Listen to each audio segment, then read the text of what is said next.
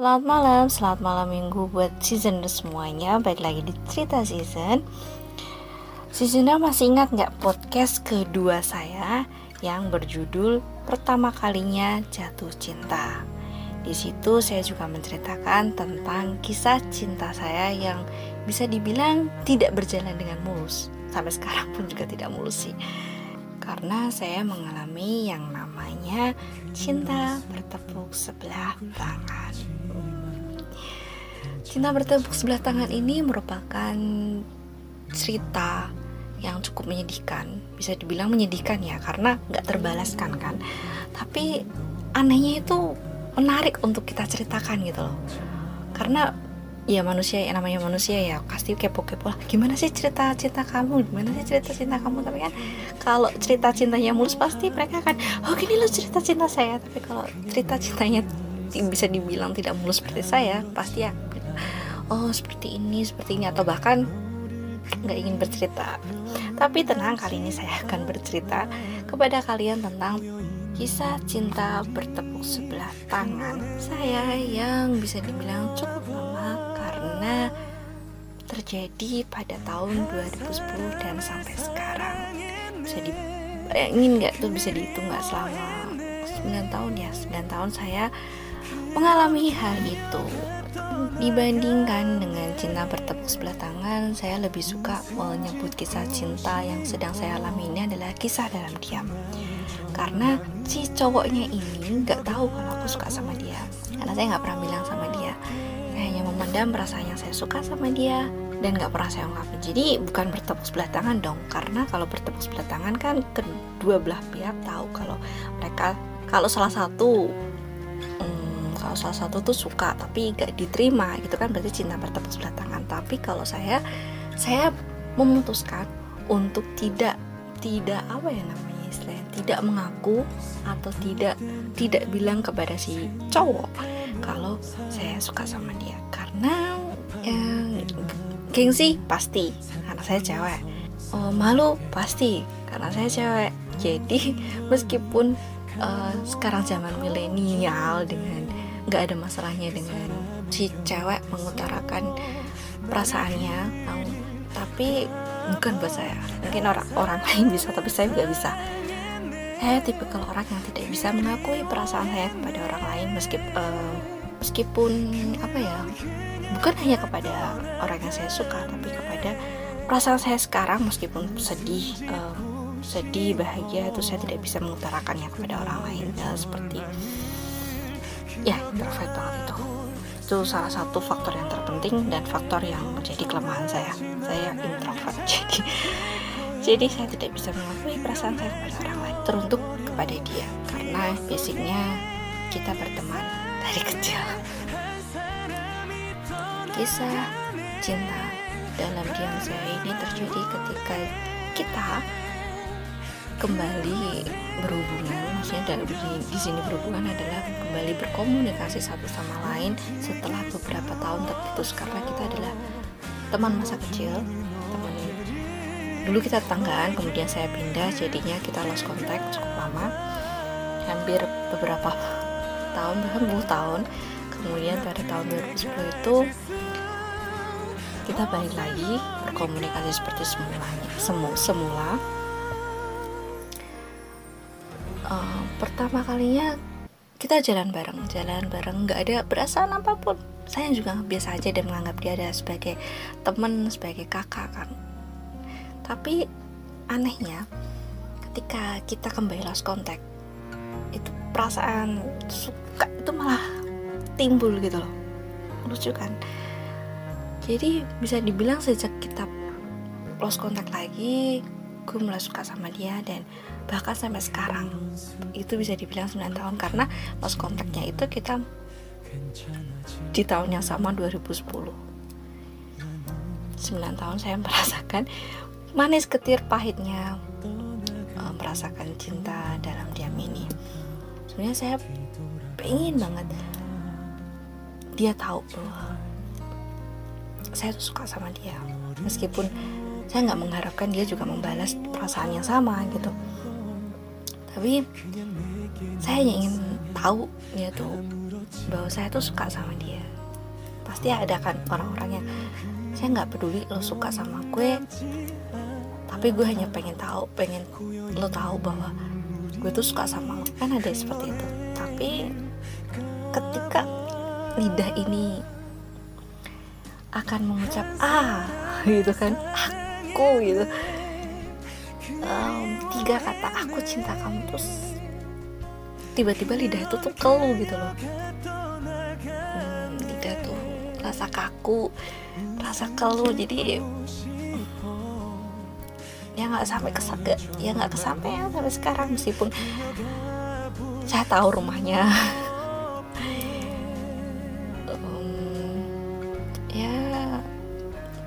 Kayak gitu deh kisah cinta yang bisa dibilang garing tapi cukup menyedihkan dan cukup membuat saya sakit.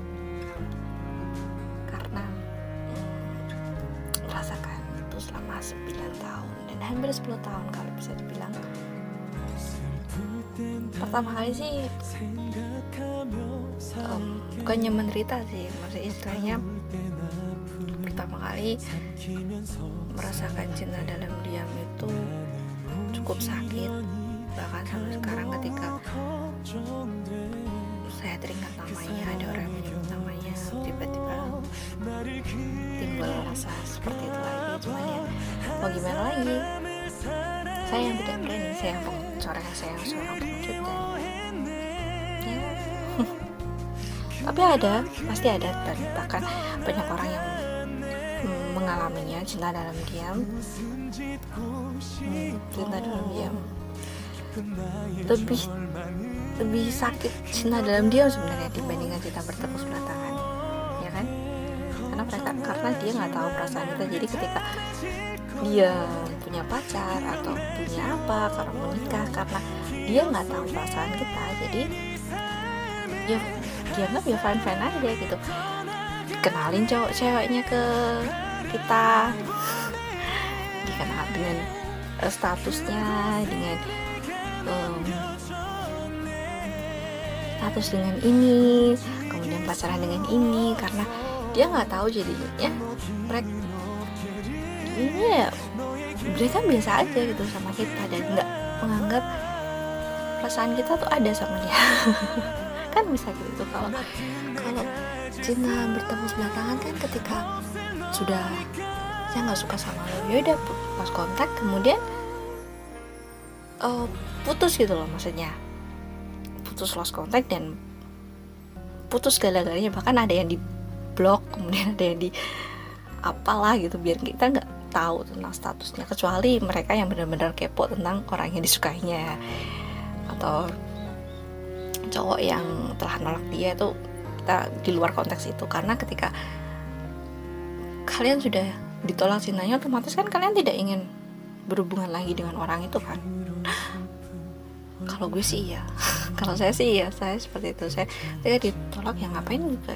Kita tahu uh, urusannya dia itu kan tapi kalau cinta dalam diam ini kan karena mereka nggak tahu jadi kita tetap saya tetap berhubungan dengan dia. Berhubungannya lewat uh, medsos sih kalau karena kan saya sudah lost kontak sama dia. Maksudnya hmm, maksudnya kan saya masih berteman di medsos sama dia ya kan? Jadi saya tahu tentang statusnya dia. Tentang dia sama siapa apa wanitanya siapa? Otomatis kan tahu gitu kan. Dan itu anehnya kenapa gue nggak blokir ya? Mungkin karena karena karena saya masih masih punya rasa sama dia ya kali dan berharap jika suatu saat nanti keajaiban akan terjadi pada diri saya. Ya we never know. Oke? okay? Pernah suatu hari saya ke rumahnya untuk meminta drama meminta beberapa drama dan mengcopy beberapa drama lebih tepatnya. Kemudian di situ di rumah saya udah bertekad gini. Sebelum pergi ke rumahnya saya udah bertekad gini. Hari ini saya harus bilang sama dia bahwa saya suka sama dia. Um, hey gue suka sama lo gitu pernah suatu kali seperti itu. Cuman ketika berhadapan langsung dengan dia langsung yang saya tuh ciut. Hmm, langsung ciut itu karena kan nggak bisa itu ngucapin kata-kata itu. Cemen banget. Saya nggak tahu kenapa tiba-tiba yang saya menjadi ciut cemen nggak seperti di rumah ketika dicermin. Ketika latihan buat hei saya suka sama kamu kamu gimana? Gitu. Mungkin karena ada beberapa faktor yang membuat saya tidak bisa bilang bahwa saya suka sama dia kecuali sama selain selain karena memang diri saya sendiri yang tidak ada keberanian sedikit pun untuk mengutarakannya tapi ada faktor lain yakni keluarga hmm. Keluarga kita adalah keluarga kita berdua. Saya dan dia itu sangat sangat dekat. Sangat dekat banget. Jadinya bisa dibilang itu faktor kedua faktor pendukung lah isinya istilahnya. Yang membuat saya sungkan untuk mengutarakannya. Karena ketika kita tahu karena kita saya istilahnya selalu saya bilang sama dia bahwa gue suka sama lo gitu kan otomatis kan saya dan dia akan canggung banget. Kemudian akan berpengaruh pada keluarga saya dan keluarga dia. Karena keluarga saya dan keluarga dia itu sangat sangat dekat bahkan melebihi melebihi saudara dulu sebelum saya pindah pindah rumah gitu. Dan ya dan bahkan saya menganggap kedua orang tuanya dia itu sebagai orang tua saya. Dia baik dia ngemong dan dia menganggap saya tuh putrinya sendiri. Dan bilang kepada orang lain tuh bahwa saya tuh bukan tetangga atau bukan orang lain melainkan putrinya gitu loh. Jadinya ya otomatis akan timbul kecanggungan dan ketidaknyamanan di antara dua keluar dua belah keluarga. Meskipun ketika saya mengutarakan itu mereka atau kedua uh, keluarga kita itu tidak tahu gitu loh. Tapi kan otomatis tetap ada hal canggung dan yang lebih menyedihkannya lagi um, kalau nggak salah saya baca di statusnya dia bahwa dia akan menikah. Oh oh my god. Saya seperti apa ya? Petir menyambar ya ketika tahu dia akan menikah selama 9 tahun. Saya nggak bisa meluk. Saya nggak bisa bilang sama dia. Saya nggak bisa ungkapin isi perasaan saya. Tapi ketika tahu bahwa dia tuh akan menikah rasanya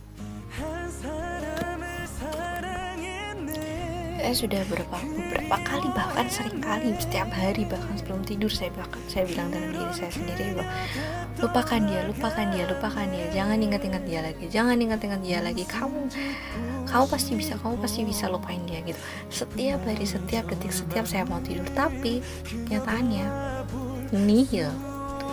I don't know why kenapa saya bisa nggak bisa kenapa saya nggak bisa melupakan dia gitu loh why ketika ada orang lain pun nggak bisa gitu. Saya akan teringat dia dan dia terus gitu.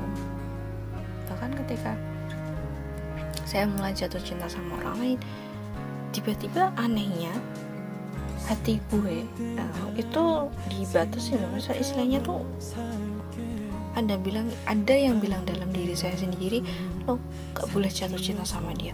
Lo udah punya dia kayak gitu. Terus akhirnya lama kelamaan saya akan bentuk diri saya sendiri. Bahwa saya nggak boleh uh, jatuh cinta sama orang lain karena saya sudah punya dia. Padahal kan saya nggak punya dia saya hanya punya perasaan kepada dia aja tapi dia nggak. Tapi kita kan nggak pacaran tapi anehnya yang bikin aneh itu kenapa saya menutup diri saya untuk orang lain dan menganggap bahwa saya sudah memiliki dia. Saya sudah cinta sama dia. Itu yang bikin aneh dan itu yang bikin saya tuh sempat sempat apa ya sempat frustasi gitu. Kenapa seperti ini gitu? Apa yang salah dengan diri saya? Apakah listeners pernah merasakan hal itu ketika mulai suka nih sama orang. Pasti kan ketika di kehidupan sosial pasti kita pernah ketemu sama cowok dan kita suka sama dia. Tiba-tiba ada dalam diri kalian semua tuh bahwa kamu gak boleh suka sama dia karena kamu punya orang lain yang suka. Kemudian akhirnya tiba-tiba perasaan yang kalian suka untuk orang lain akan tertutup dan membuat kalian tetap suka sama dia sampai sekarang dan itu pun terjadi sama sama saya sampai sekarang yang membuat saya gak bisa melupakan dia. Hmm, yang gak bisa melupakan gue. Dia yang sekarang adalah setiap hari setiap saya menutup mata saya selalu bermimpi tentang dia. Saya bermimpi tentang dia saya solo di sana seolah-olah bersama dia. Itu yang membuat saya belum bisa melupakan dia sampai sekarang. Padahal seperti yang sudah saya bilang tadi saya setiap kali mau tidur saya pasti berdoa dan berusaha untuk melupakan dia. Saya bilang jangan mimpiin dia jangan mikirin dia. Karena berharap tidak karena berharap saya bener-bener nggak mimpiin dia gitu loh. Saya berharap bener-bener nggak mimpiin dia nggak bertemu dia di alam mimpi saya bertemu dengan orang lain. Seperti itu. Tapi pada kenyataannya ketika saya tidur saya bertemu dengan dia. Bahkan saya sampai sekarang pun saya tulis cerita mimpi saya tentang dia di diary saya kisah sebuah kisah yang miris. Tapi nggak tahu nggak tahu lah gitu. Gimana caranya untuk saya sudah sudah merasa ini batasnya gitu dan saya nggak tahu lagi harus gimana dan biarkanlah yang di atas yang mengurusnya. Saya sudah berusaha untuk melupakan dia tapi pada kenyataannya hasilnya nihil ya seperti itulah kisah cinta bertepuk sebelah tangan saya aka cinta dalam diam yang menyedihkan tapi tidak menyedihkan menarik tapi tidak cukup menarik. Ya 50-50 bisa dibilang sih. Saya berharap season semuanya tidak merasakan apa yang saya rasakan. Karena itu sangat sakit. Berbahagialah dengan orang-orang yang kalian cintai dan jika kalian merasakan atau jatuh cinta sama orang lebih baik diungkapkan. Meskipun saya tidak bisa saya berharap si sinar semuanya bisa mengungkapkan apa yang si rasakan dan kepada orang yang si sinar cintai. Jadi tidak ada rasa sakitan lagi dan lagi yang berkepanjangan seperti saya. Saya berharap si semuanya tidak merasakan apa yang saya rasakan berbahagialah dengan orang-orang yang kalian cintai dan jika kalian merasakan atau jatuh cinta sama orang lebih baik diungkapkan. Meskipun saya tidak bisa saya berharap si sinar semuanya bisa mengungkapkan apa yang si rasakan dan kepada orang yang si sinar cintai. Jadi tidak ada rasa kesakitan lagi dan lagi yang berkepanjangan seperti saya dengan begitu sinar akan lebih cepat bersama dan berbahagia dengan orang yang sinar cintai Oke, okay? so gue pamit. Selamat malam minggu buat kalian yang menghabiskan waktu bersama kekasih tercinta dan buat kalian yang masih sendiri, nggak usah kecewa, nggak usah risau, nggak usah gelisah, karena love yourself. Oke, okay? selamat berbahagia, good night and bye bye.